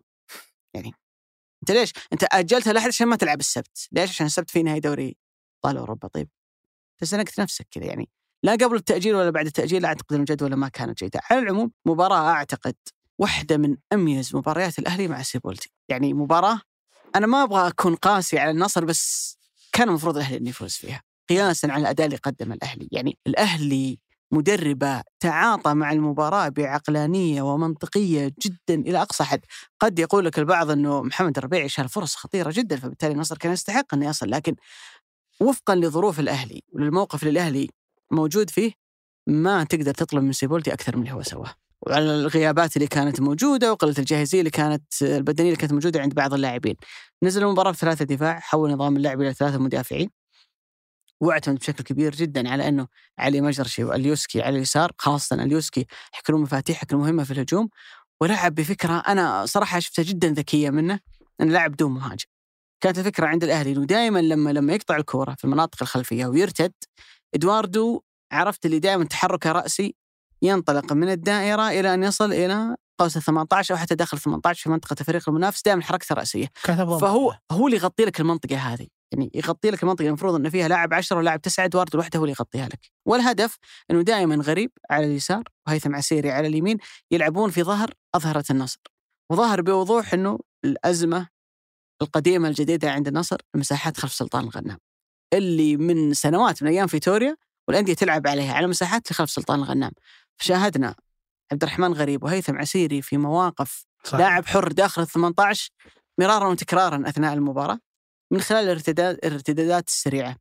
الفكرة اللي كانت عند الأهلي في هالموضوع إنه لما يقطع الكورة مثلا في عمق الملعب يوجهها ناحية اليمين تروح الكورة لهيثم عسيري مع علي مجرشي يميل معاهم إدواردو يعملون زيادة عددية ثلاثة على الجانب وعبد الرحمن غريب استنى على أقصى الجانب الآخر في لحظة معينة حيتوغل هيثم أو إدواردو ويلعب الكورة الغريب ويرجعون هم الاثنين اللي على اليمين هيثم وإدواردو يعملون الزيادة داخل ال 18 بعد ذلك ممكن الفريق إنه يسجل وصارت بوضوح في الهدف اللي سجله عبد الرحمن غريب إن إدواردو ميل مع هيثم ناحية اليمين بعدين طلع هيثم في في كرة كانت داخل ال 18 وعكسها الغريب وبعد ذلك سجلها.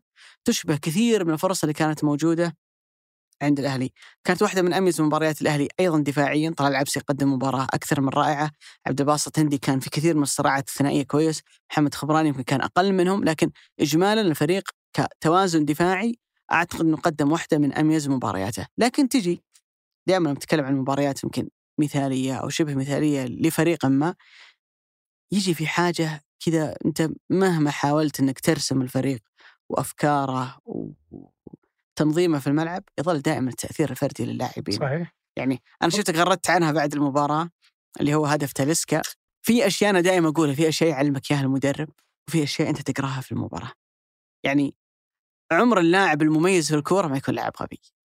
يعني ترى ممكن ترى ممكن تنجح تكون سوبر ستار وأنت كسول. تجي. بس غبي لا. بس ما عمرك ما تكون لاعب كبير وأنت غبي. يعني تاليسكا بذكاء فهم من الفاول الأول اللي نفذه في الشوط الأول طبيعه تحرك محمد الربيعي انه يحط حيطة وواحد ينسدح تحت عشان الكور اللي تجي من تحت الحيطة ويضع كل تركيزه إنك أنت تلسكب تنقزها من فوق الحيطة وأنا بكون سريع عشان أخذها. طيب لا أنا ممكن ما أحط لك من فوق الحيطة بكل بساطة.